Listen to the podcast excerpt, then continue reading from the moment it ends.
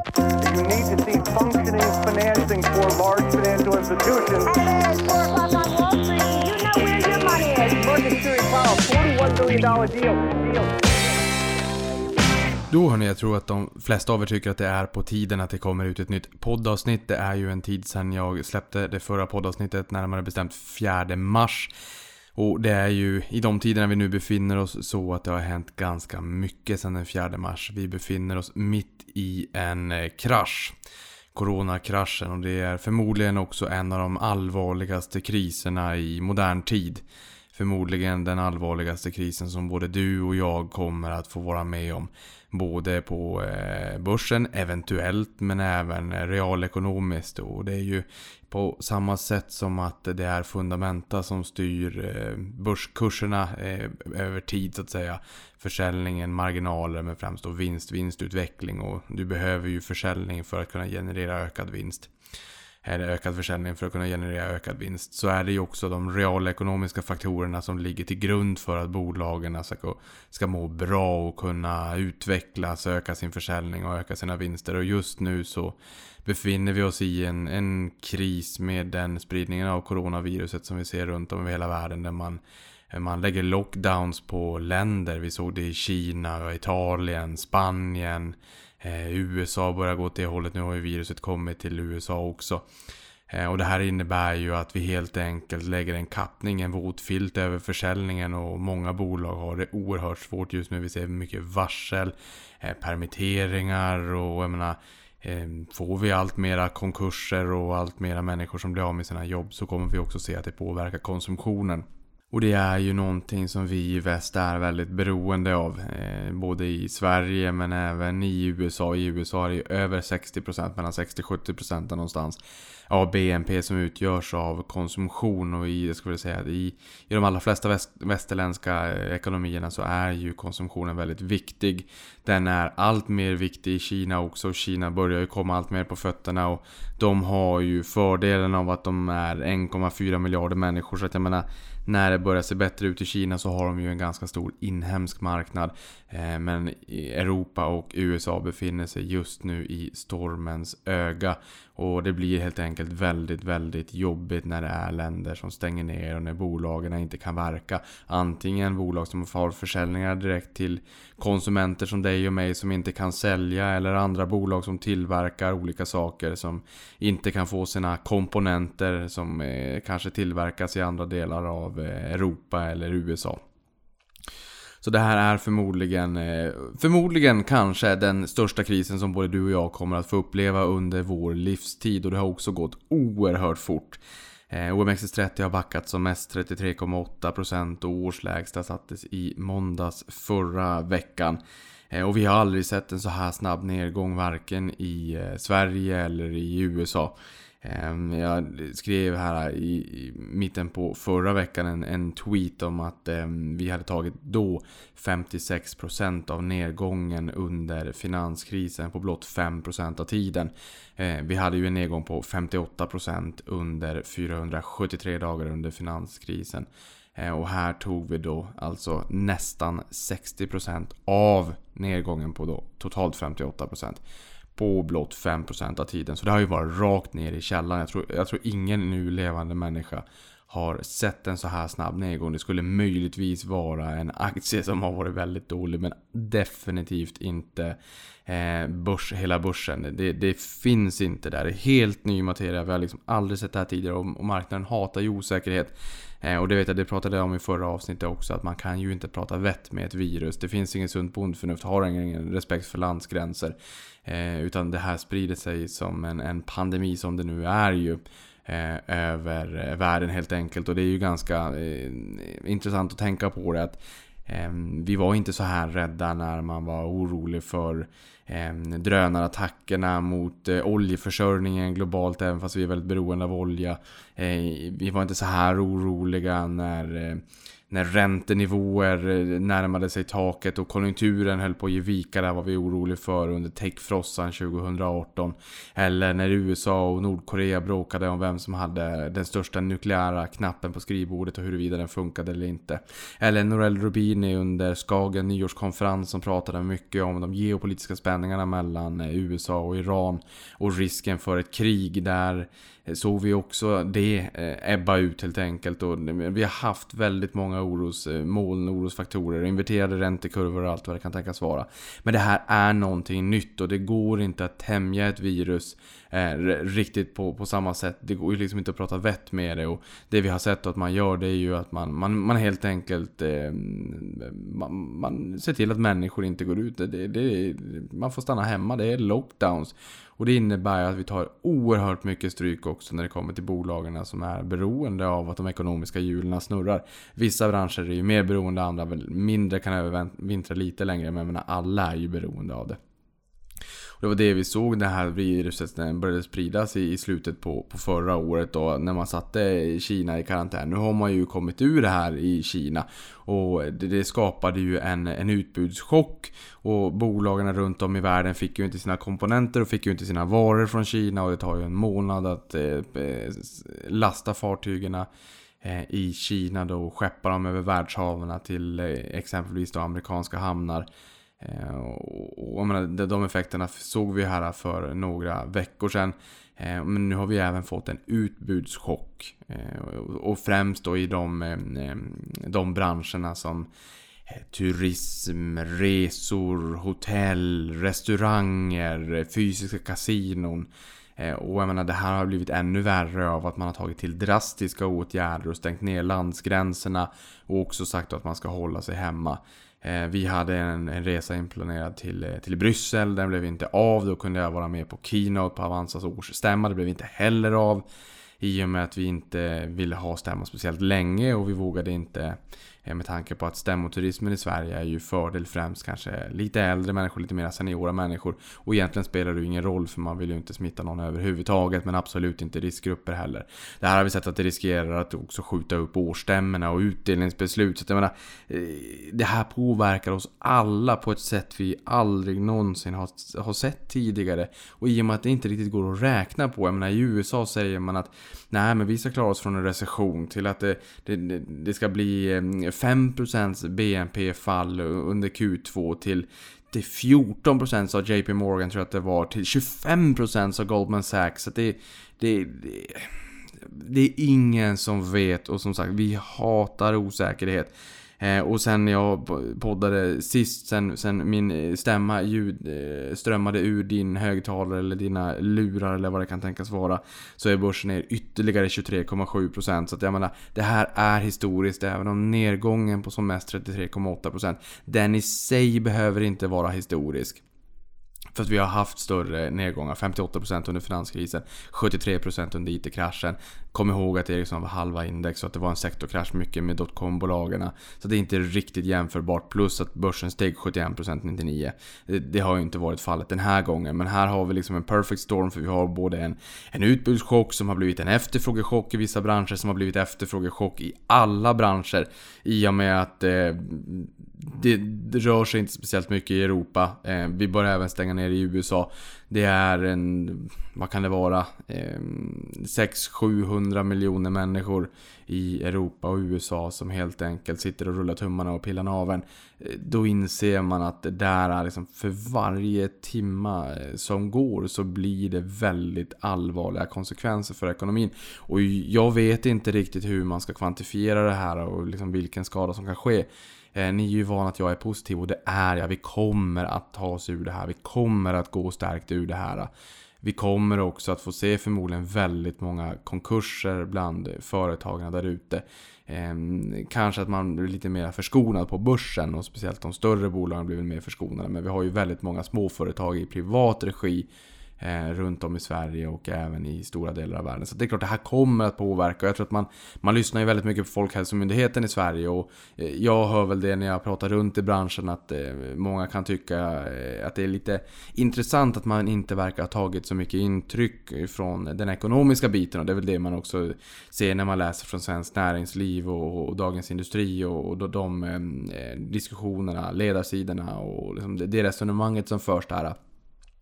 För det kostar väldigt mycket pengar att hålla eh, Sverige nedstängt. Och det är klart, det är ingen som vill smitta någon eller se till att man är virusbärare och, och, och smittar någon, någon, bekant eller någon vän eller kollega som smittar någon äldre i sin familj och som, som eh, får sätta livet till. Det är ingen som vill.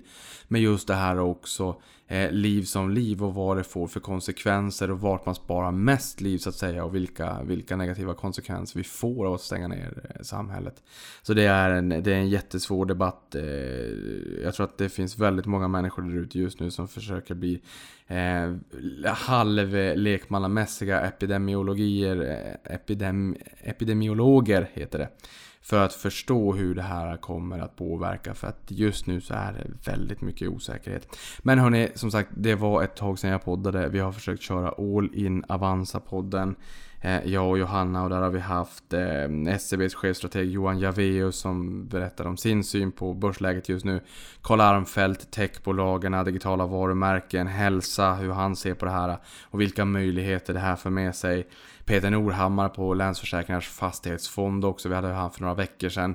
Nu hade vi tillbaka honom igen för att fundera kring hur, ska vi tänka nu? För fastighetsmarknaden har bjudit på en, en krasch i kraschen får man säga och kreditmarknaden har ju frusit lite grann till is. Den eh, funkar ju inte riktigt som den ska. Den är inte lika djup som den internationella eh, kreditmarknaden helt enkelt.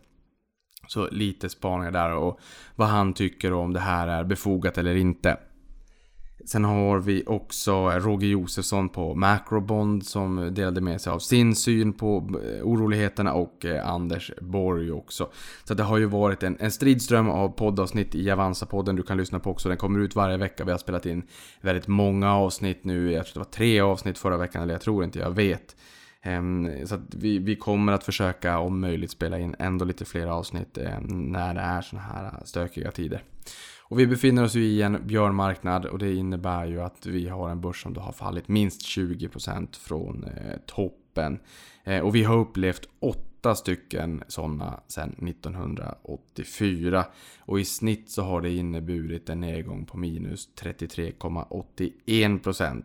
Eh, och märk väl att jag sa att vi var ner som mest 33,8. Så att eh, vi är spot on egentligen på, eh, på den genomsnittliga nedgången på de björnmarknaderna, 8 till antalet som vi har haft sedan 1984.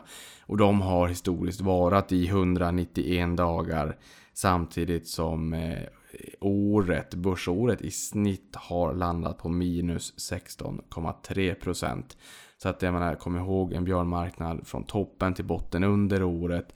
Eh, och även om den nedgången har varit då på minus 33,81% i snitt så har börsåret alltså i snitt slutat på eh, minus 16,3% när vi ska skola in det nya året. Jag hoppas och tror att vi kommer kunna ha lite roligare magkänsla när vi stänger det här året. Det är ju många som tror att Ja, nu har vi en lockdown. Eh, I USA har man sagt att 15 dagar. Sen får vi se. Vi vet att Trump är pro-business. Eh, vi får se lite grann vad som händer. Jag tror att de inser att det, det, det blir andra konsekvenser om man stänger ner samhället alldeles eh, för länge.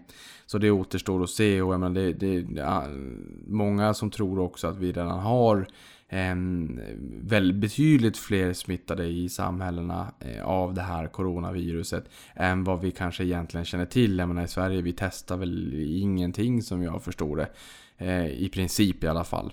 Så det, förmodligen så kanske vi kan vara så att vi har väldigt många smittade och när du har då varit smittad så har du också byggt upp en viss immunitet och då börjar vi ju så sakteligen få en flockimmunitet i, i samhället.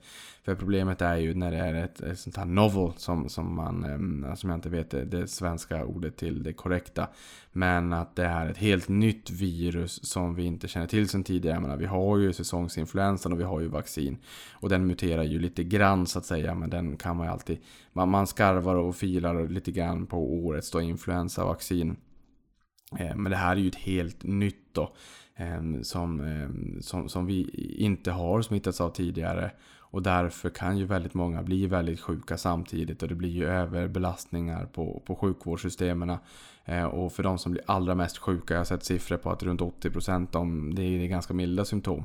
Men de som blir väldigt sjuka kan ju riskera då att bli väldigt sjuka, speciellt om man då är eh, om man är eh, äldre eller har eh, flera, flertalet olika sjukdomar och är multisjuk. Eh, det här vet ni ju redan, jag förmodar ju att ni också har följt med i mediebevakningen. Så att jag menar, nu sitter jag ju egentligen bara och upprepar det ni egentligen känner till. Men när det blir den här överbelastningen på systemet så de som inte får hjälp riskerar ju att eh, dö. Så att man försöker ju platta till den här kurvan då. Så att eh, det är ju inte för att vi inte ska bli smittade. Det, det är väl lika att man kanske blir smittad. Så att man får någon form av kollektiv eh, flockimmunitet i samhället. Utan snarare för att alla inte ska bli smittade eh, samtidigt då. Eh, men, men där funderar ju många kring, men är det inte så att vi ska kickstarta samhället igen och gå tillbaka till jobben? Eh, men att man kanske har strängare isolering av äldre och multisjuka. Och kanske har någon form av masstest när det finns tillgängligt, när det är möjligt. Eh, för att se om man är smittad och då ska man absolut inte eh, gå ut och smitta andra. Det är en jättesvår fråga. Jag har full respekt för de som, som jobbar med det här och försöker, eh, försöker tänka ut hur vi gör det här på bästa sätt. Men som sagt, det finns ganska många som tycker att man kanske lyssnar lite för mycket på Folkhälsomyndigheten och lite för, för lite på de som lyfter upp ett varningens finger för vilka långtgående allvarliga konsekvenser det här kan få på samhället om vi får en, en massarbetslöshet och liksom låter nästa generation ta smällen för de här kostnaderna som det för med sig. Jag har eh, aldrig förlorat så här mycket pengar i kronor och ören. Men jag har aldrig heller varit så här eh, dedikerad för långsiktigt sparande som vad jag är nu. Det har jag alltid sagt att jag är långsiktig på börsen och det är precis det jag är. Jag är långsiktig. Det är ju intressant att vi toppade på 1905,61 indexpunkter och den 20 februari. När det här spelas in så har det passerat midnatt till den 24 eh, mars vilket innebär att bara om några timmar så eh, är det uppesittarkväll också. Eh, så att jag menar, vi har ju inte ens fått nästa lön ännu. Jag har haft en del pengar som har varit investerade liksom i kontanta medel i en löneväxling som jag har haft i och med att jag då löneväxlar. Eh, och, och eh, trots, ja nu med den här nedgången så, så, har det inte varit, så har det varit bättre att lägga i cash. Men i princip under hela den här perioden så har det fortfarande varit så att det hade varit bättre att vara investerad i marknaden. Och det är en försumbar eh, summa, den 120 000. Försumbar summa i förhållande till totalt sparande och, och det är liksom årslöner som försvinner varje dag just nu. Så det är en struntsumma. Men eh, det är fortfarande så att jag, eh, jag hade inte liksom, hade inte tänkt eh, jag visste inte vilken strategi jag skulle ha på ytterligare ett konto. Jag tycker att det är tillräckligt mycket med att ha amorteringsportföljen, tillväxtportföljen, kassaflödesportföljen och worldwide. Eh, och en barnportfölj då självfallet. Och sen har jag ju de andra liksom med tjänstepension och IPS och alla konton. Där har jag bara Avanza Zero. Och jag vet att det är dumt för jag borde ha någon, någon bredare eh, indexfond också. Plus kanske någonting utomlands och där. Men, men, men det är så det ligger i alla fall. Och nu tänkte jag, jaha, ytterligare ett konto. Vad ska jag ha för strategi där då? Jag måste ju göra det enkelt för mig. För så. Och då blev det helt enkelt så här. Jag köper ett, ett knippe investmentbolag bara. Och där har jag börjat göra. Och jag har liksom började ju efter den här nedgången. Så det hade ju, det, första, den stora nedgången var ju på 4,31% den 24 februari där. När, under helgen när vi såg en spridning, att det började sprida sig utanför Kina då. Då var det ju största börsfallet sen Brexit den 27 juni 2016 eh, när Sverige öppnade upp då. Eh, så då tänkte man perfekt. Köpte en del och sen så har det totalt kollapsat. Många bolag, även om börsen är nere, jag tror att den är nere runt 32% nu. Jag sa som mest 33,8% så det är en liten bit ner till, till årslägsta. Eh, det är fortfarande väldigt många bolag som har halverats. Jag tror att det är Ehm, på Stockholmsbörsen är det väl en 80, åtminstone vart femte bolag. Eh, här för när vi slog lägsta nivån i måndags förra veckan. Då vet jag att det var ungefär en, nästan 35% av bolagen som hade halverats. Så att många har påverkats väldigt rejält. Fastighetsbolagen har haft en krasch i kraschen. Men där har jag skalat och köpt och köpt och köpt och köpt och köpt och köpt. Ehm, och ju mer det faller desto mer köper jag. Och sen fortsätter det falla och då köper jag. Så jag tror att eh, på ett eh, börsfall på, på många av de här bolagen på mellan 30 och 50 procent så ligger den här portföljen på minus eh, 10. Eh, eller ja, minus 10 med dagens utveckling, kanske minus 7-8. Eh, och sen så får jag ju se imorgon det uppdateras ju under natten. Eh, och anledningen till varför det är så pass lite minus när börsen har fallit så mycket mer, ja men det är ju självfallet för att jag hela tiden fortsätter skala. Och jag är ju on the buy side of life. Så det innebär ju att, jag menar, skulle vi vara på de här nivåerna under mycket, mycket lång tid, ja men då är det klart att jag också kommer att så sakteligen skala mitt GAV eller mitt genomsnittliga anskaffningsvärde till de här nivåerna. Nu har jag väldigt, eh, väldigt bra vinster i princip alla bolag jag äger och det beror ju på att jag är långsiktig och har ägt de här aktierna eh, i ett och ett halvt eh, årtionde. Eh, inte alla såklart, men, men många av dem. Så det innebär att för varje gång man köper extra då, då höjer du ditt GAV istället eftersom att du har en, en positiv utveckling på, på innehavarna.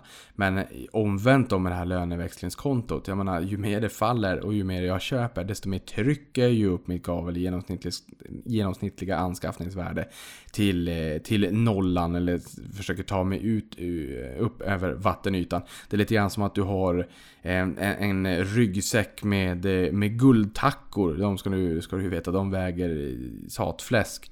Eh, och sen så har du den här ryggsäcken med guldtackorna på dig och sen så hoppar du ner i vattnet. Då kommer du liksom eh, tryckas ner mot botten. Och du får kämpa dig upp, upp, upp, upp, upp. Och du åker ner och du kämpar dig upp och du åker ner och du kämpar dig upp. Men till slut så tar du dig upp över vattenytan. Och det är lite grann Eh, hoppas ingen av er är rädd för vatten. Eh, och det är ju lite grann så eh, man får tänka nu också. Och speciellt då om man är yngre i och med att du har årtionden framför dig. Du är on the buy side of life. Det här är det bästa som kan hända.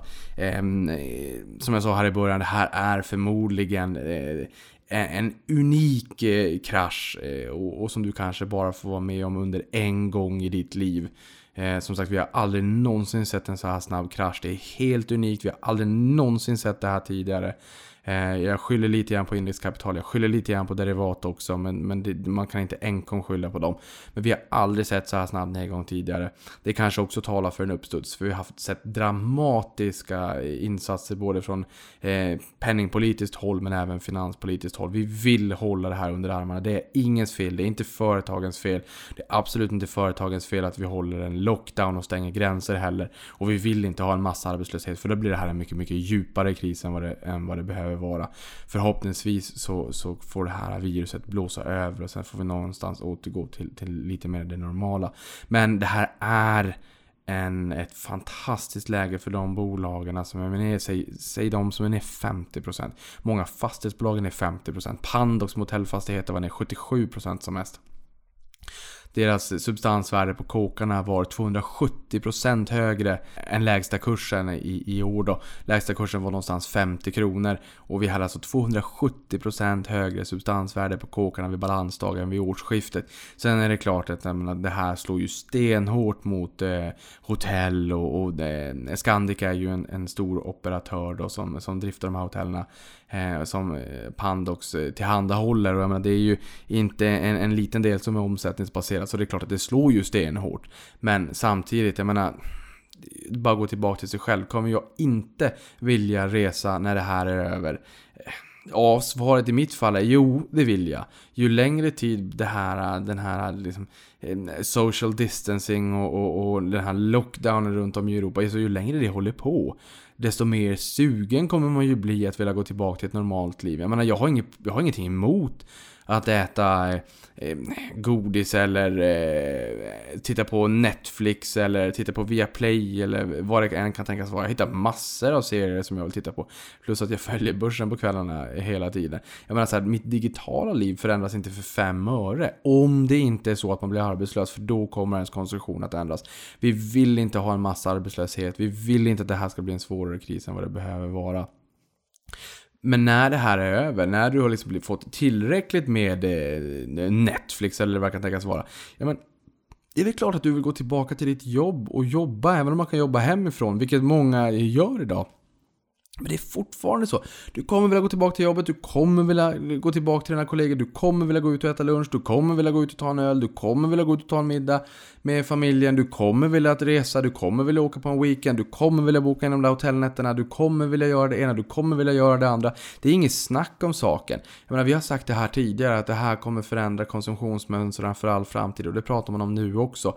Det har inte hänt under någon av de andra kriserna, det har inte hänt efter 9-11 heller, där man sa att det här kommer liksom, i ens grundvalar kommer att förändra hur människor tänker på resande. Ja men det är klart att eh, Ja, det är klart att man var orolig för att resa och flyga en tid efter eh, efter den, den, där tragiska händelsen. Det är lite grann samma sak som eh, den tragiska eh, terrorhändelsen på Drottninggatan, vilket tyvärr krävde alldeles för många liv. Allt mer än noll alldeles för många liv. Oerhört tragiskt. Och jag tror att de allra flesta som bor i Stockholm som använder sig av kollektivtrafiken också tyckte att det var väldigt obehagligt under en tid därefter att faktiskt vistas och resa med eh, lokaltrafiken. Och att man tänkte på att vad händer? Finns det en, eh, finns det någon kontroll? Och man tar sig ganska lätt ner på T-centralen och vi vet att eh, Säpo har sagt att man har avvärjt en del allvarliga hot den senaste tiden. Vad var det för allvarliga hot? Vad menar de egentligen?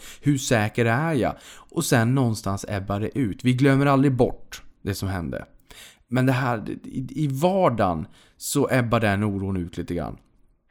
Och eh, jag skrev en sån poll på Twitter för de som tycker att det är lite segt att jag kommer ut med poddavsnitt lite för sällan så kan jag säga att jag är ju aktiv på Twitter 365 dagar om året varenda dag och ni hittar mig på twitter.com investeraren. Eh, där skrev jag en poll, alltså en, ställde en fråga då så att säga med olika svarsalternativ. Om det är så att man kommer att förändra sitt konsumtionsmönster eh, till följd av det här då. Eh, och då hade man alternativen liksom, ja det kommer att förändra mitt konsumtionsmönster. Ja, mm, under en kortare period. Eller nej, det kommer inte. Och jag tror att det var närmare 90% som, som svarade på liksom ja, eventuellt under en kortare period. Eller nej, det kommer faktiskt inte att ändra mitt konsumtionsmönster. Och jag tror inte det heller. Och jag tror att ju längre tid det här går, desto, desto större är, är risken att pendeln slår tillbaka. Att man vill gå tillbaka till ett normalt leverne. Lite grann som om du eh, tror att du kommer leva bara på ägg och kvarg. Vissa av er som lyssnar på det här gör säkert det, men för de allra flesta, eh, även om man önskar att det hade varit en möjlighet, så, så går det en tid och sen så slår liksom pennan tillbaka och så sitter man och frossar i någonting som inte alls är lika nyttigt.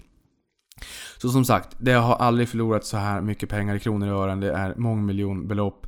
Eh, men eh, inte så att jag är speciellt orolig ändå. Jag hade varit mer orolig om det hade varit så att jag hade varit eh, äldre, men samtidigt så hade jag känt att hade jag varit 65 vi ska komma ihåg att Warren Buffett han byggde upp större delen av sin förmögenhet i kronor och ören efter 65 års ålder. Även om han började köpa aktier när han var 11-12.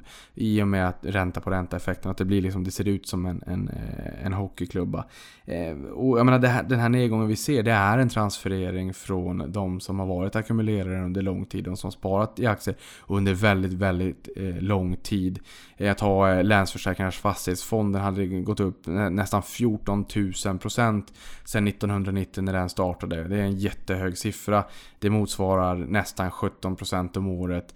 Eh, och idag så har den siffran i princip halverats. Vilket är oerhört dramatiskt. Ehm, men jag menar, det är inne, om man då hade varit med från starten. För det är klart att en, en nedgång på 50% i slutet av en investeringsperiod slår ju stenhårt på, på den första tiden i, i, i den investeringen. Men för de som är ackumulerare, för de som är unga, för de som har tiden på sin sida, de som går in, sparar långsiktigt nu. Eh, det är som en skänk från ovan och ni vet att jag har sagt det tidigare. Det bästa som skulle kunna tänkas hända det är att vi får en börskrasch och att man kommer in i en tidig fas. Nu hade jag i början av min karriär så fick jag ju finanskrisen och därefter har jag byggt upp en ganska stor förmögenhet. Eh, tycker jag själv. Eh, man har respekt för liksom, hur snabbt det går hur snabbt det går åt båda håll.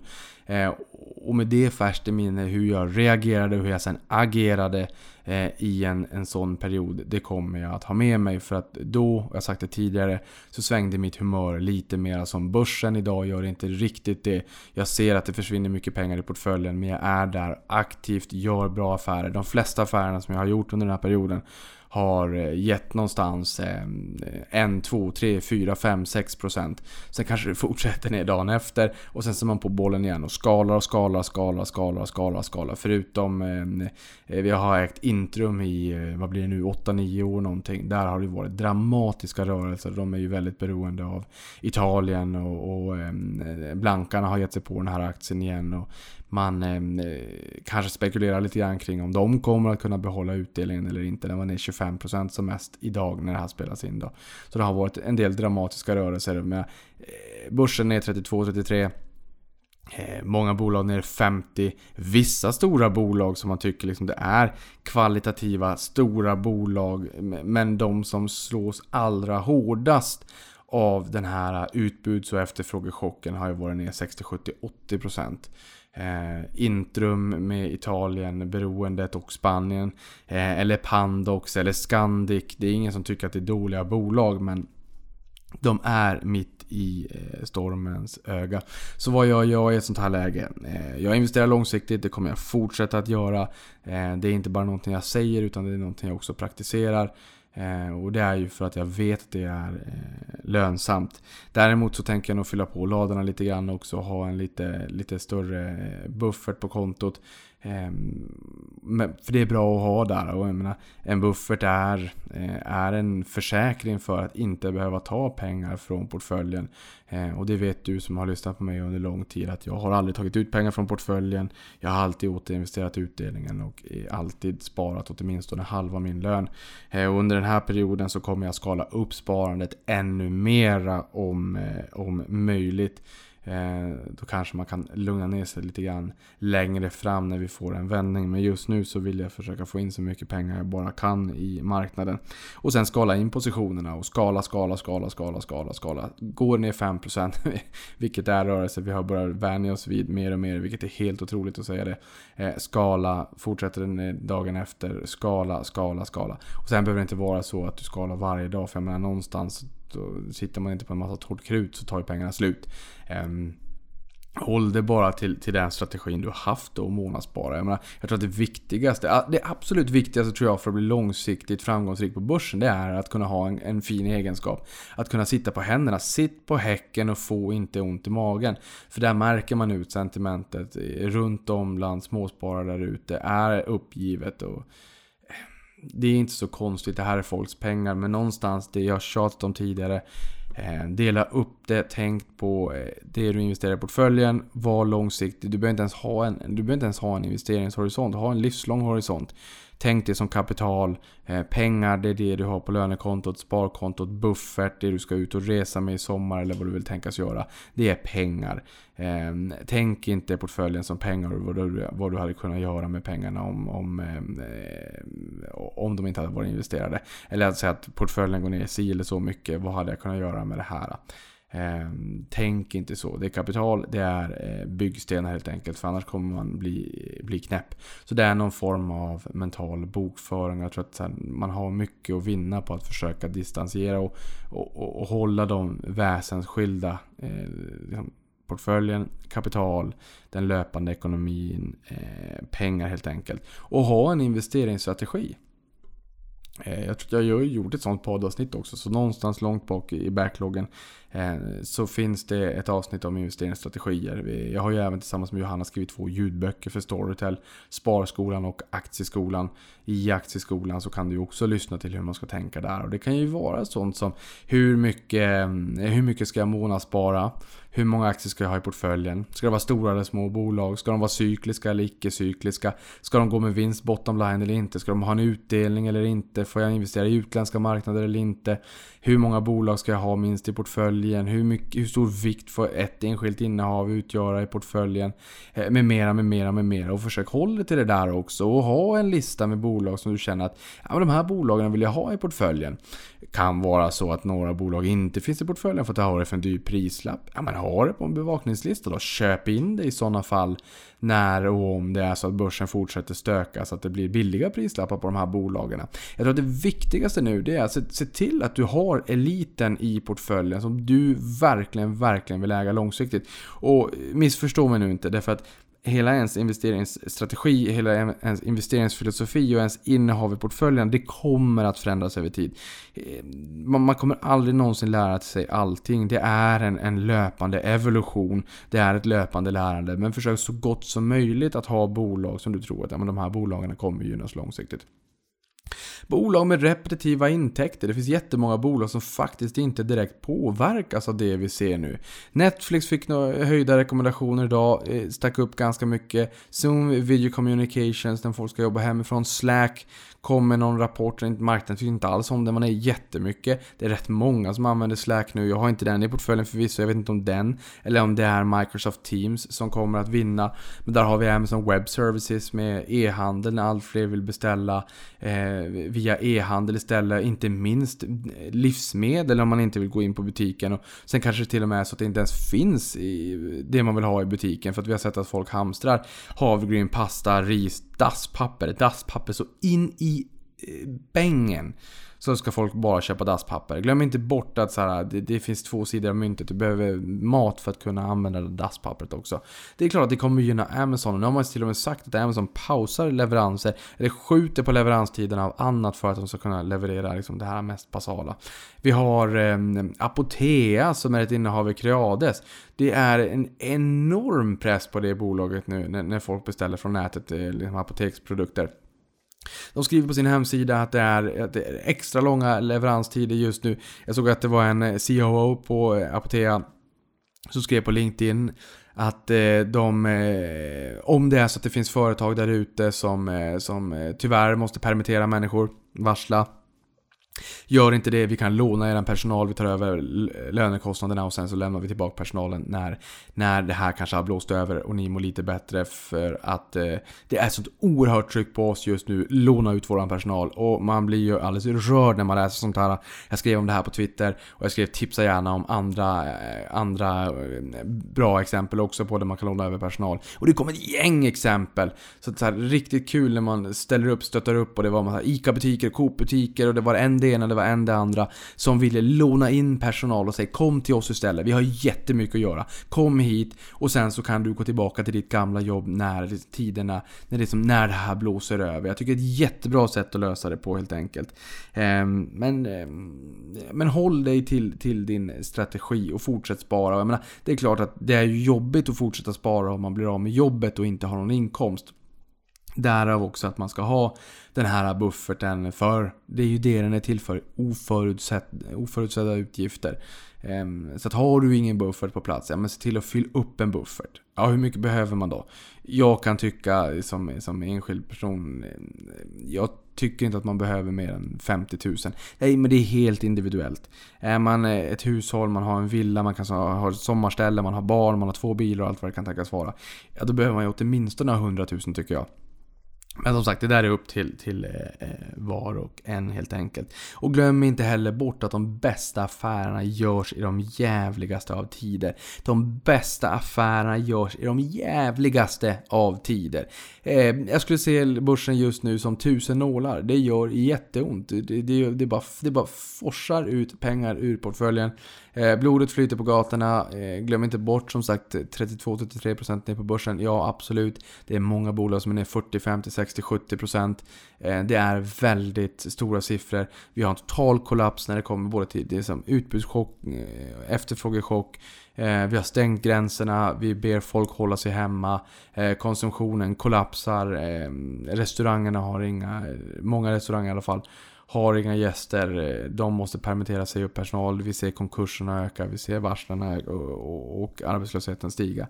Eh, men, men har du kvar ditt jobb och har buffert på plats, investera.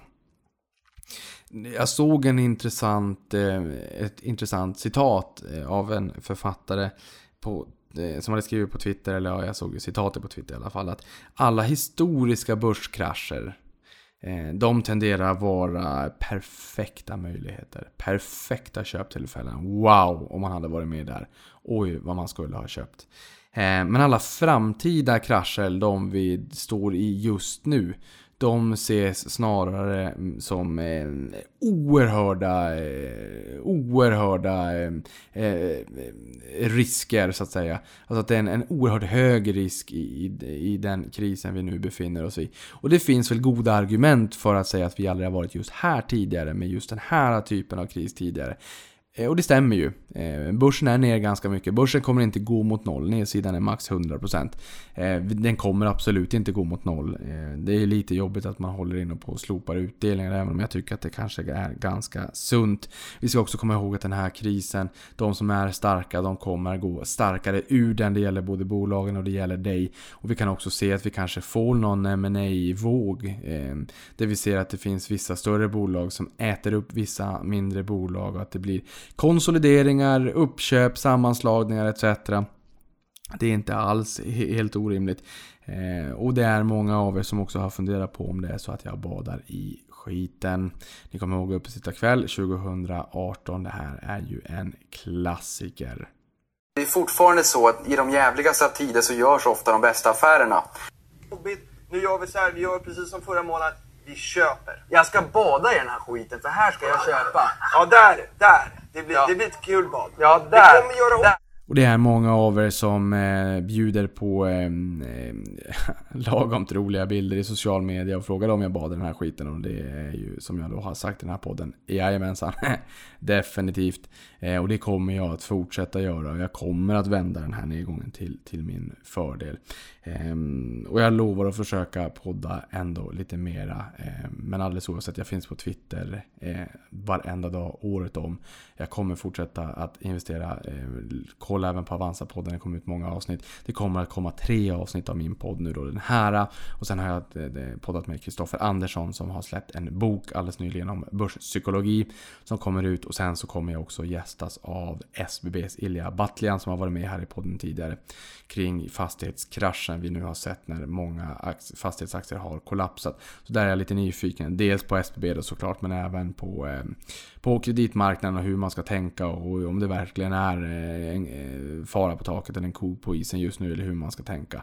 Och anledningen till varför jag har med just Ilja Batljan Eh, dels har han varit eh, med flera gånger tidigare på podden. Jag tycker att vi funkar bra. Det blir, liksom, det, det, blir en bra podd. Men är det så att jag ska bjuda in ett annat fastighetsbolag som inte har varit med på podden sedan tidigare. Då vill jag ju lära mig mer om, om bolaget. Göra ett statiskt avsnitt. Det är inte de tiderna vi befinner oss i just nu. Det här är liksom det, här är kristider eh, och det innebär att vi också får ha lite mer den typen av, av teman och sen så får vi återgå till de här klassiska poddavsnitten idag när vi lär känna bolag. Eh, när vi har tagit oss lite grann ur det här. Jag kommer även ha med Vitrolife eh, som eh, har drabbats hårt eh, av Kina. Och Kina håller ju faktiskt på att ta sig ur det här eh, just nu. Där börjar man ju starta upp allting igen, vilket är lite intressant. Eh, det har man, tycker jag inte att man har hört så jättemycket om. Nu vet man att så här, mm, eh, Italien är stormens öga. Europa är epicentrum just nu. Eh, USA är på väg in i det. Men i Kina så har man eh, kickstartat och det börjar så sakteligen återgå till det normala. Det kan gå lite segt. Vitrolife säger att det går lite segt för de som har planerat IVF-behandlingar. Men det är klart, jag menar, det här är Maslows behovstrappa och vill du skaffa barn och inte ha möjlighet att göra det på naturlig väg, eller åtminstone svårt, så kommer du förmodligen vilja göra en IVF-behandling. Du kommer inte vilja säga så här, nej, nej vi, vi skippar barnen för det har varit lite jobbigt på börsen. Eller i ekonomin för den delen. Och det det är ungefär som med amerikanska Rollins då, jag har sagt det tidigare. Eh, om det är så att du får bedbugs eller något annat skadedjur så kommer du inte säga liksom att ah, vi skippar det, det är ju dåliga kriser. Så att vi har lite bedbugs, det är bara lite mysigt med the more the merrier så att säga. Ah, finns det hjärterum så finns det stjärterum. Eh, och ni vet ju att bedbugs don't read the Wall Street Journal så att där kommer de ju också ha mera eh, ocyklisk business. Hade varit kul om Anticimex hade varit på börsen. Men det här är som sagt, jag påminner om det en gång till. Det här är en förmögenhetstransferering från de som har varit i marknaden under lång tid till de som är på väg in i marknaden eller som är i marknaden. Som är unga, som har förvisso en portfölj med, med ett kapital. Men det här det, det löpande månadssparandet inte är eh, att förringa så att säga, utan det kommer in löpande pengar hela tiden. Ju, med, ju, ju mindre din portfölj är idag, ju mer löpande månadssparande du har, desto bättre. Eh, det blir mer jobbigt för dig som har en större del av, av din förmögenhet på börsen idag. Du kanske har ett löpande månadssparande, men det kanske är väldigt, väldigt litet i förhållande till, till portföljen. Ja, då blir det ju jobbigt för då finns ju dina pengar redan på portföljen. Med alla nya pengar som går in på de här nivåerna kommer förmodligen att bli eh, väldigt, väldigt eh, bra. Och det kan man ju säga, ja men det, det, ja, hur vet du att det kommer bli bra? Det här kommer ju, det, det här har vi aldrig sett tidigare och jorden kommer gå under och så här. Jag, jag tror ju liksom inte att jorden kommer gå under. Eh, men det kan bli mycket jobbigare än så här. Jag menar, vi, börsen är nästan eh, 33% nu då. Eh, vi var ner 58% under finanskrisen. Det är många som säger att det här är värre än finanskrisen. Många jämför här också med depressionen på 30-talet. Och ingen kris är ju riktigt den andra lik och det är klart att det kan fortsätta ner. Men det fortsätter inte ner i all evighet. Och det intressanta är som jag sa tidigare att det här är den snabbaste kraschen någonsin i världshistorien. Vi har aldrig någonsin sett en så här snabb krasch. Det innebär ju liksom att det kommer ju inte vara eh, i 3, 4, 5 år heller för då kommer börsen vara värdelös. Eh, och det är väl det jag hoppas på att vi, vi kommer att se en, en, en krasch rakt ner i kärnan vilket vi har sett men att när vi så sakteligen öppnar upp samhällen igen och börjar kickstarta det här. Vi har många människor som har varit sjuka, som har byggt upp någon form av immunitet. Vi får den här flockimmuniteten. Vi kanske eh, isolerar de äldre och multisjuka ännu mera. Eh, men att vi så sakteligen börjar få igång de ekonomiska hjulen igen och, och faktiskt rivstarta hela samhället, hela världsekonomin. För det är det vi behöver nu. Då kommer vi att kunna se det här med en, två, tre kvartal Eh, där vi vill egentligen bara glömma det här och det är en parentes i världshistorien. Men med de här massiva stimulanserna som vi har tryckt ut i eh, ekonomierna. Jag vet inte hur många tusen miljarder det är där ute nu för jag har liksom tappat räkningen. Eh, och vi har liksom både finans och penningpolitiska eh, stimulanser. Och då kan man fundera på, ja, men gör det penningpolitiska någon skillnad? Ja men det är klart att det gör det, det, är klart att det blir jättejobbigt om du stressar det finansiella systemet och, och liksom investeringsviljan och kapitalet torkar upp. Du har inga pengar på obligationsmarknaden. Och du har bolag som ska finansiera liksom, delar av sin kapitalstruktur, sina lån och inte kan låna. Det, det, liksom, det blir ju mass död på, på, ehm, på finansmarknaden. Det, det är klart att penningpolitiken eh, och den expansiva penningpolitiken har eh, effekt. Men, eh, och även den finanspolitiska, just det här med, med människor och att man liksom ska hålla sig över vattenytan om man, om man blir permitterad eller om man blir av med jobbet. Sådär. Men det löser ju inte problemet. Så den ledande indikatorn just nu det är ju viruset och virusspridningen och när det ska tänkas ebba ut. Eh, och vi får se vad USA gör nu då 15 dagar senare när de ska öppna upp det här igen då helt enkelt. Men jag sa att Kina där hade börjat eh, komma igång. Det har de. Eh, och tittar man på exempelvis Fedex, är ett amerikanskt bolag som sammanflätar mer än 99% av global BNP. De säger att vi förra veckan, det var ett, ett earnings call då i eh, tisdags eh, förra veckan. Eh, och, och eh, då, eh, man kan hitta på nätet sådana här transcripts så att du kan läsa exakt vad man sa på. Jag brukar ibland säga, eller kalla det för conf call då, men eh, earnings call säger de där då. Och se exakt vad man, vad man sa för någonting och hur man kommenterade rapporten och sen så får man ju ofta då också analytikerfrågor och då, då ja, du kan läsa allting helt enkelt. Eh, och då kikade jag där, bara i Ctrl F då och sökte på, på China där i så då ser du ju alltid som har med, med, med Kina att göra. Eh, och där sa man att vi hade 246 flygningar eh, till från Kina och det är, liksom, det är på nivåer som vi hade innan, eh, innan coronakrisen. Eh, vi har 90-95% av storbolagen är up and running. Eh, och en, en 65, 50 60-65% där någonstans eh, av de mindre bolagen och runt 65-70% totalt om man räknar både stora och små bolag. Eh, så att jag menar, vi är på god väg. Man öppnade upp eh, flera hundra biosalonger, man hade nästan inga intäkter alls det blir lite svårt liksom att övertyga och människorna ska våga sig ut igen. Det är samma sak som Vitrolife har sagt också. Vi har börjat öppna upp klinikerna men liksom, vi, vi ser ingen, eh, man ser ingen tillströmning riktigt ännu. Folk eh, väntar väl lite grann och är lite försiktiga, liksom, lite trevande i starten, lite bambi på halis. Vi hade Håkan Samuelsson, eh, Volvo personvagn personvagnars VD också, som sa att eh, vi har alla fabriker som är uppe och snurrar i Kina och vi har väldigt positiva signaler som tyder på en normalisering. Eh, vi har Yum Brands, Yum China som säger att vi har öppnat upp våra restauranger.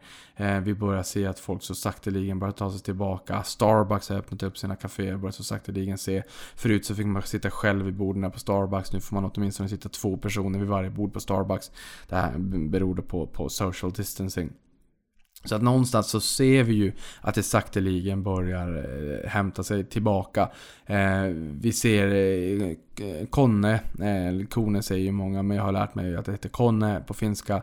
Eh, hisstillverkaren, även de säger ju där att Kina, det, där börjar vi se en, en återhämtning. Så att med de bolagen som har en verksamhet i Kina, och det är ju inte alldeles för få, det är ju ganska många eh, som är beroende av Kina, både när det kommer till tillverkning men faktiskt även försäljning. För Kina är ju en stor inhemsk domestik marknad också med 1,4 miljarder människor som har börjat få det bättre ställt. Läs de, eh, ja nu kommer ju Q1 snart och vi stänger ju mars snart. Men jag menar, det, det kan ju vara uppdat marknadsuppdateringar från bolagen också. Eh, må, eh, många amerikanska bolag, de har ju brutna räkenskapsår, de kanske redan har släppt sina kvartalsrapporter eh, ännu faktiskt, eh, redan då så att säga. In och läs, vad säger de om den kinesiska marknaden? Allting jag läser pekar på att man, liksom, att eh, man börjar kickstarta i Kina just nu. Och det är ett, eh, det är ett solskensexempel för att det är ju precis förmodligen dit vi kommer gå också när det här blåser över Europa och Kina, eh, Europa och USA när, när det här är över. Sen är det klart att eh, Kina kunde ta till mer drastiska åtgärder än vad man kan göra i, i väst. Men samtidigt så tycker jag ändå att det är någorlunda drastiska åtgärder det här med lockdowns. Även om alla inte eh, respekterar dem och det är ju ett problem. Och när jag säger att alla inte respekterar dem. Eh, så när man har eh, utegångsförbud, eh, lockdowns i många ställen men man ser att människor ändå är ute och rör sig på gatorna. Och det, vi måste få bukt med spridningen helt enkelt. Men det är klart att det är fundamentalt riktigt att börsen sjunker när, när vinsterna förväntas eh, falla. Och utöver att vinsterna faller så kanske vi också får en, en eh, multipel kontraktion. Det vill säga att man värderar varje vinstkrona mindre då. När man får en, en riskaversion när man inte liksom är beredd att betala lika mycket för varje vinstkrona. Eh, så blir det ju en, en dubbel effekt då helt enkelt. Eh, Riskaversionen ökar och riskpremien stiger. Men någonstans så kommer vi att återgå till ett normalläge på nästa års förväntade vinster. Så handlas vi till en, vad kan det vara nu, 10,5 gång kanske. Eh, vän av ordning kommer då säga att ja, men det är ju på tidigare prognoser. Och det är det ju. De ska ju klart revideras ner självfallet. Men som sagt, vi ser att Kina börjar komma igång. Europa, USA kommer att eh, ta sig ur detta också. Vi kommer gå starkt ur detta. Om det är så att vi har eh, veckor kvar tills vi mm, bara trycker kontroll alt delete eh, och, och liksom, ja, kickstartar eh, ekonomierna. Även om inte viruset har blåst över så kan det mycket väl vara för skadorna och de potentiella skadorna stiger för varje dag som går. Eh, alternativt att vi kanske får, blir, blir kvitt det här eh, viruset helt enkelt. Det är många som väntar på Eh, på, på eh, biotechbolag att man ska få ett vaccin. Problemet är ju att det tar 5 liksom till 10 år normalt att ta fram ett vaccin. Och man vill ju gärna ta fram vaccin då som är eh, ja, men alltså det, det där är säsongsinfluensa som är återkommande varje år. Så det finns någon form av ekonomi i det hela att ta fram det här för det kostar ju väldigt mycket pengar. Eh, I det här fallet så om man ska stressa fram någonting så kanske det tar 12 eller 18 månader som jag har förstått. Ehm, men det finns ju många andra alternativ då att man försöker mixtra med redan eh, befintligt godkända läkemedel. Eh, bland annat till ebola och sen man kombinerar med andra typer av läkemedel som verkar ha funkat någorlunda bra men det ska fortsätta testas. Så att det kommer ju inte komma imorgon men det är eh, tiotusentals som inte hundratusentals. Jag vet att det är bara tiotusentals forskare, läkare bara i USA som forskar på det här around the clock. Så att jag menar globalt så är det ju på allas eh, läppar helt enkelt. Eh, och vi har de här massiva stimulanserna som förväntas hålla marknaderna under armarna. Både liksom penningpolitiskt och finanspolitiskt. Då. Eh, och där var vi mycket snabbare än under finanskrisen. Det ska man också komma ihåg med, med depressionen eh, på 30-talet. Jag menar, börsen kraschade 1929. Då var 9 av 10 dollar eh, lånade så det var liksom en riktig eh, spekulationsvåg. Eh, banker kunde låna spararnas pengar för då fanns det inte insättningsgaranti på samma sätt. lånade de pengarna, eller snarare knyckte om man ska vara ärlig, och investerade dem på, på börsen, spekulerade på börsen. Ehm, ja, jag tycker ju att man investerar, men på den tiden kanske det var lite mer spekulation då. Man höjde räntan 1928 och 1929 för att stävja guldmyntfoten. Eh, och försvara den, så att säga, den peggen. Vilket gjorde att man eh, man utlöste recessioner under, större, under stora, eh, på många håll runt om i, i världen helt enkelt. Eh, och efter 1929 och börskraschen när den inleddes, ja, åren efter då införde man också Smooth and Holy Act där man, eh, liksom, både i USA men på, på många ställen, införde tariffer, handelshinder, alltså det är typ det, eh, handelskonflikten vi har haft mellan USA och Kina då. Eh, som sänkte världshandeln 70%. Så att vad som riktigt utlöste det här, om det bara var finansiellt på börsen eh, eller om det var det som hände därefter, eh, det, det, det får man väl liksom sia om och, och grotta ner sig i. Men uppenbarligen, det jag har förstått är ju att man inte riktigt eh, adresserade utmaningen eh, på det sättet man kanske borde ha gjort, varken penning eller finanspolitiskt. Vi, vi hade ju massiva insatser under finanskrisen, men det har ju gått blixtsnabbt under den här krisen då vi har haft enorma och enorma eh, stimulanspaket som har kommit in i marknaden som har aviserats och det kommer även mer från Sverige. Magdalena Andersson har varit ute ikväll och sagt att det kommer ytterligare paket då för att gynna eh, småföretagen i Sverige. För det är en stor del av svensk sysselsättning som återfinns bland de mindre eh, företagarna helt enkelt. Men eh, till skillnad från finanskrisen så står ju banksystemet betydligt mycket mer stabilt och robust idag. Och kan alltså vara med och stötta oss ur det här. Eh, oron är väl kanske att bankerna då stöttar de större bolagen i större utsträckning. Men som sagt, det, ställer ytterligare krav och förväntningar på Magdalena Andersson och eh, regeringen till vad man kan tänkas leverera för paket för att finanspolitiskt eh, hålla eh, småföretagarna och den, den eh, breda eh, gräsrotsrörelsen under vegetationen av, av alla dessa fina eh, småföretag runt om i vårt avlånga land. Eh, och hålla dem under armarna under den här perioden. Eh, inte minst när man stänger ner gränserna, eh, och, och, vilket inte är småföretagarnas fel. Eh, så att vi nu försöker slippa en, en masstragedi eh, helt enkelt. Så, bör man investera nu? Ja, man bör investera nu. Eh, investerade du innan den här kraschen så ska du definitivt investera nu. Eh, ju mer det faller, desto bättre potential framåt. Vi måste orka och våga tänka att vi ska ta oss ur det här. Det är det enda logiska. Alternativet är ju liksom... Eh, alternativet är helt otänkbart. Det är klart att vi kommer ta oss ur det här. Och det är väl kanske därför man också, många bolag faktiskt håller inne utdelningar. Det är ju lite tråkigt för jag brukar säga att utdelningstillväxten har varit mellan 5 och 7% om året i snitt senaste 50 åren globalt. Och så ser det ju ut. Eh, under IT-kraschen eh, tänkte jag inte prata om utan under finanskrisen. Så var det Swedbank, SEB och Electrolux som slopade sina utdelningar. Swedbank och SEB de hade sina äventyr i Baltikum och sen Electrolux, eh, Electrolux hade det jobbigt. Nu har de slopat det nu igen då. Och Electrolux Professionals eh, avknoppning och särnoteringen kom in på börsen idag då. Eh, ja, nu sa jag ju 24 men det är ju för att det är över midnatt då. Så att eh, måndag den 23 så kom de in och började handlas då. Så det är många bolag som sänker eller slopar sina utdelningar. Och det är väl kanske ganska Även om det är tråkigt kanske ganska vettigt att man håller inne de där. Alltså att man liksom... Eh, man stärker upp bolagets immunförsvar helt enkelt. Eh, och ser till att, där, att risken är att man går på grund där eh, hålls så låg som eh, möjligt. Det är klart att som utdelningsinvesterare så kommer man tycka att det är jobbigt för de som är det då. Men då måste man ju också hålla... Liksom, tänka lite längre än vad näsan räcker och blicka mot horisonten och, och, och tänka att Eh, sannolikheten är väldigt, väldigt låg att vi kommer att få se eh, ett coronavirus som håller i sig hela 2020 och hela 2021. Eh, det är klart att nu har man ju hållit in på utdelningen här under eh, nu då så att säga och det är ju för verksamhetsåret 2019.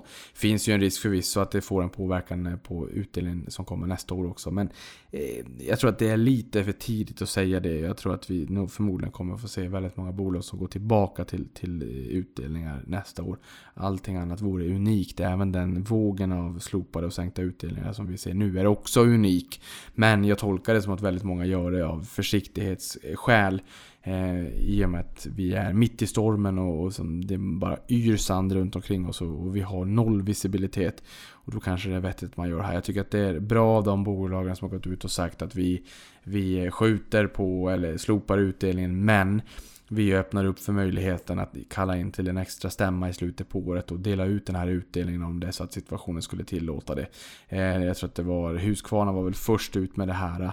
Eh, där man skulle dela ut 2 kronor och 25 öre och man delar ut 75 öre nu här på vårkanten. Och sen säger man att vi tar resten till hösten med en extra stämma om det är så att situationen tillåter det. Jag tycker att det är rätt sätt att göra. Därför hoppet är ju det sista som lämnar oss och här pratar vi bara då finansiellt, inte den tragiken som är med, som då coronaviruset för med sig. Men jag tycker att det är bra att liksom lämna dörren öppen lite grann på glänt. Att så här, vi kan dela ut pengar här framåt hösten om det är så att det här blåser över och inte blir jätte, jätte allvarligt. Men som sagt, ja, man ska definitivt investera just nu. Definitivt. Eh, det kan vara så att det fortsätter ner. Det är ingen som...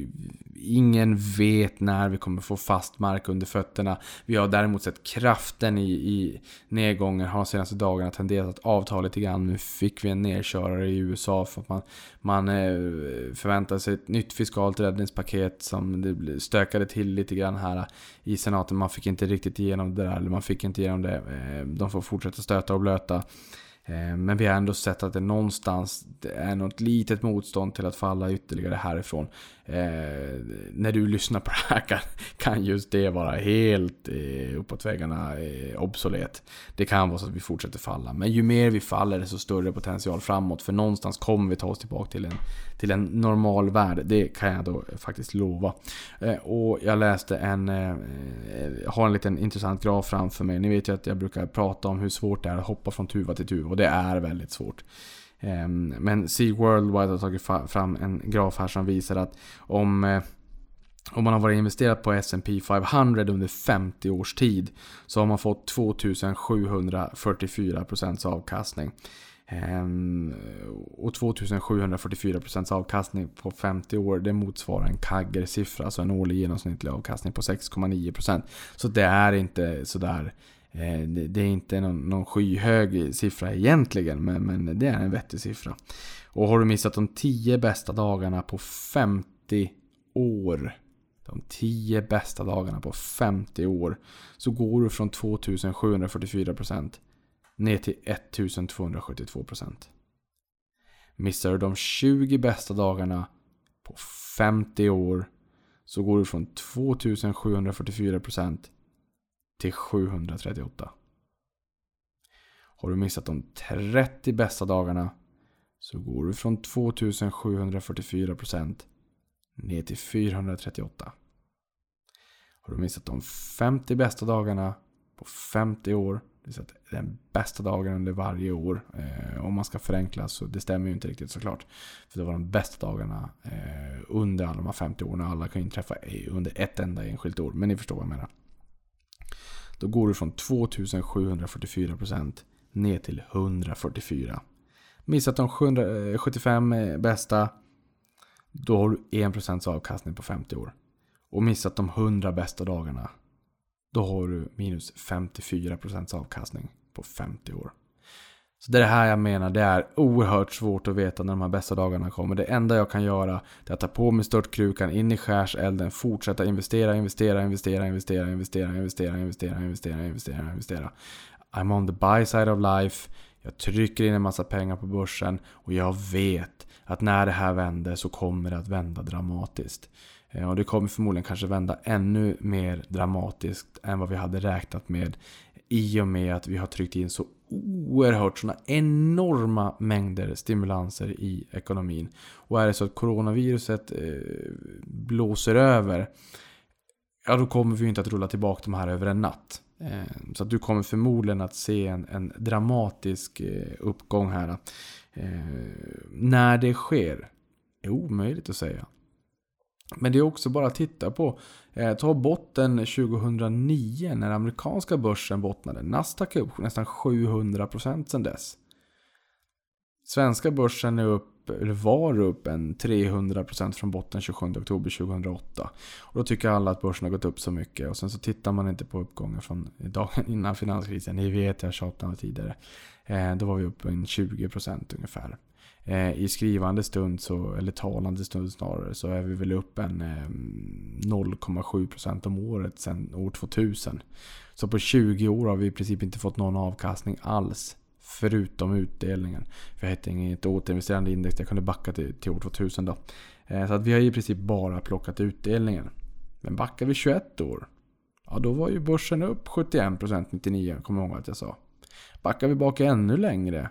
Så tar vi botten eh, 5 oktober. Eh, 5 oktober va? 92. Finans och fastighetskrisen. Det här är det även 93 med börsen bottnade 92. Då hade vi en uppgång på 41%. Från 92 till 7 mars 2000. 41% om året. För den som köpte på botten under IT-kraschen efter att börsen hade gått ner 73% under 947 dagar. Ja, den personen fick också en dramatisk uppgång på eh, portföljen. Där såg vi om man köpte på botten och det är så här, ja teoretiskt sett det är jättesvårt att köpa på botten. Det enda jag vill säga med det här det är att eh, det spelar ingen roll om du köper efter en fjärdedel av nedgången eller halva nedgången eller tre fjärdedelar av nedgången eller på den absoluta botten. Den absoluta botten kommer man aldrig kunna sälja hela sitt kapital som man har på börsen och direkt vänta och sen så gå in på bottennivån. Men det nysparandet som du har, jag menar, ju mer det faller desto mer eh, tenderar jag att köpa i alla fall. Så det innebär ju att jag får in ganska mycket pengar ju längre och ju djupare nedgången blir. Eh, och tittar man på det här då, 10 oktober 2002 bottnade svenska börsen. Sen steg, steg den 219% eller 27,6% om året under 4,75 år till den 12 juli 2007. Så 27,6% om året under 4,75 år. Lägg på utdelningen på det så har du 30,94% avkastning per år i snitt under nästan fem års tid. Tar du finanskrisen ner 58% under 473 dagar. Botten 27 oktober 2008. Då hade du en avkastning på 18,9% om året under 6,5 år. 209% fram till nästa topp. Det är 23,37% eh, inklusive återinvesterad utdelning. Det är rätt dramatiska uppgångar. Och det visar också att när det vänder så vänder det ofta rejält när, när aktierna har varit urblåsta. Eh, ingen vill äga aktier.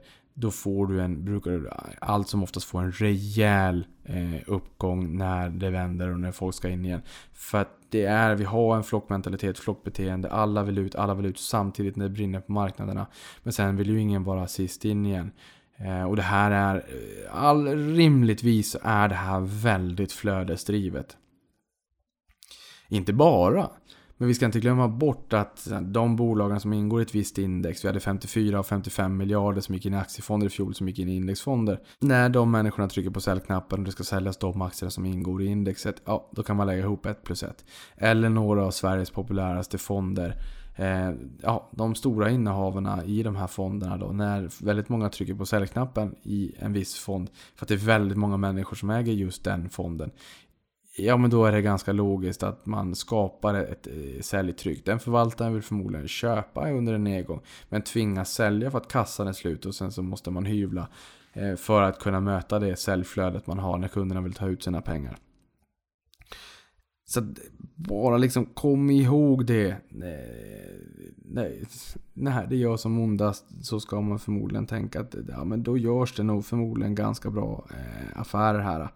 Eh, I måndags förra veckan så var Dow Jones ner 12,9%. Det var den sämsta, näst sämsta dagen eh, under Dow Jones 124-åriga historia. De är ju anno 1896.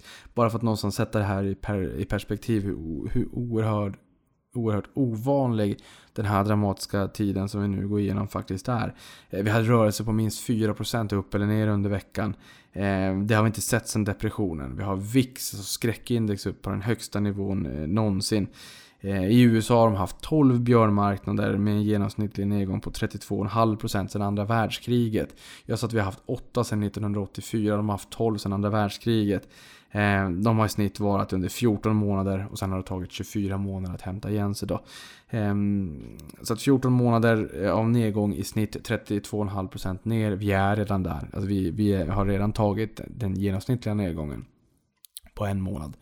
Eh, och sen kan man ju känna då så här att ja, men om, eh, om det tar 24 månader att hämta igen sig det här i snitt. Ja men då kommer du ju få in pengar Eh, Eh, på mycket, mycket lägre nivåer. Så att jag menar, investerar du löpande här så kommer det inte ta 24 månader att eh, komma igen på break-even plus minus noll. För du sitter ju liksom inte och pillar av och rullar tummarna utan du trycker ju in nytt kapital på betydligt mycket lägre nivåer.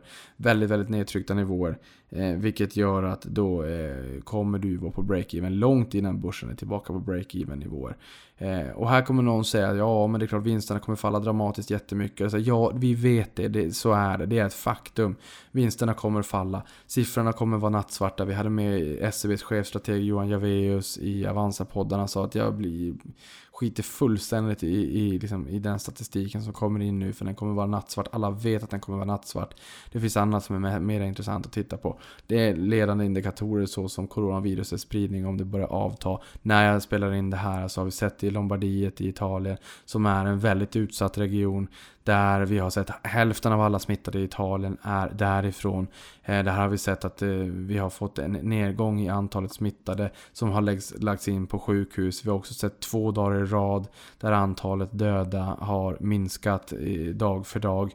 Eh, det här är en väldigt tidig indikation och det är väldigt många som hoppas nu att det här ska vara en, eh, ett trendbrott. Det kan vara som redan när du lyssnar på det här att det trendbrottet är över. Det är så, så oerhörd volatilitet, så oerhörd, oerhörd oro varje dag när man tittar på siffrorna vad som händer. Eh, men som sagt, det kommer att blåsa över.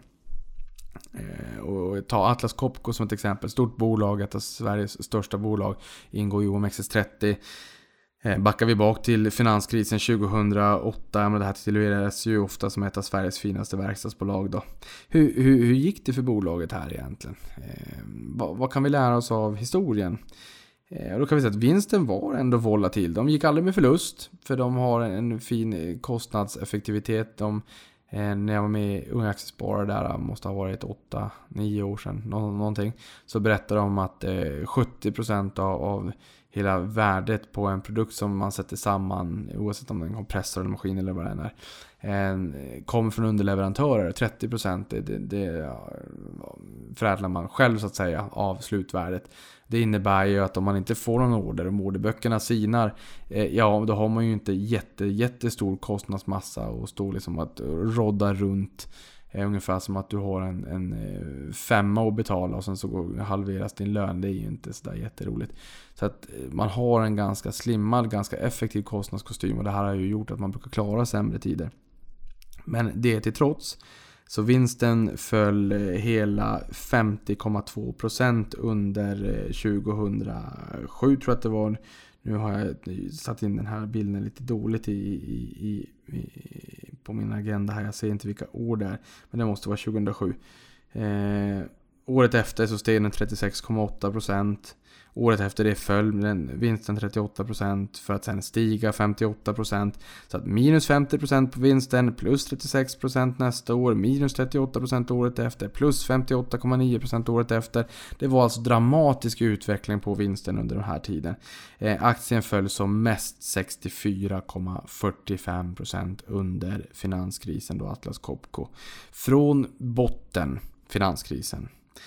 till all time high den 20 februari 2020. Så har du fått en CAGR, eh, Compounded Annual Growth Rate, den årliga genomsnittliga effektiva avkastningen, har legat på 26,64%. Det är världsklass eh, i termer av avkastning. Warren Buffett har lyckats med 20,3 nu senaste årsredovisningen från 1965. Eh, att lyckas med 20,3% från 1965 är en oerhört mycket större bravad än att lyckas med 26,6% från botten av en krasch. Så är det.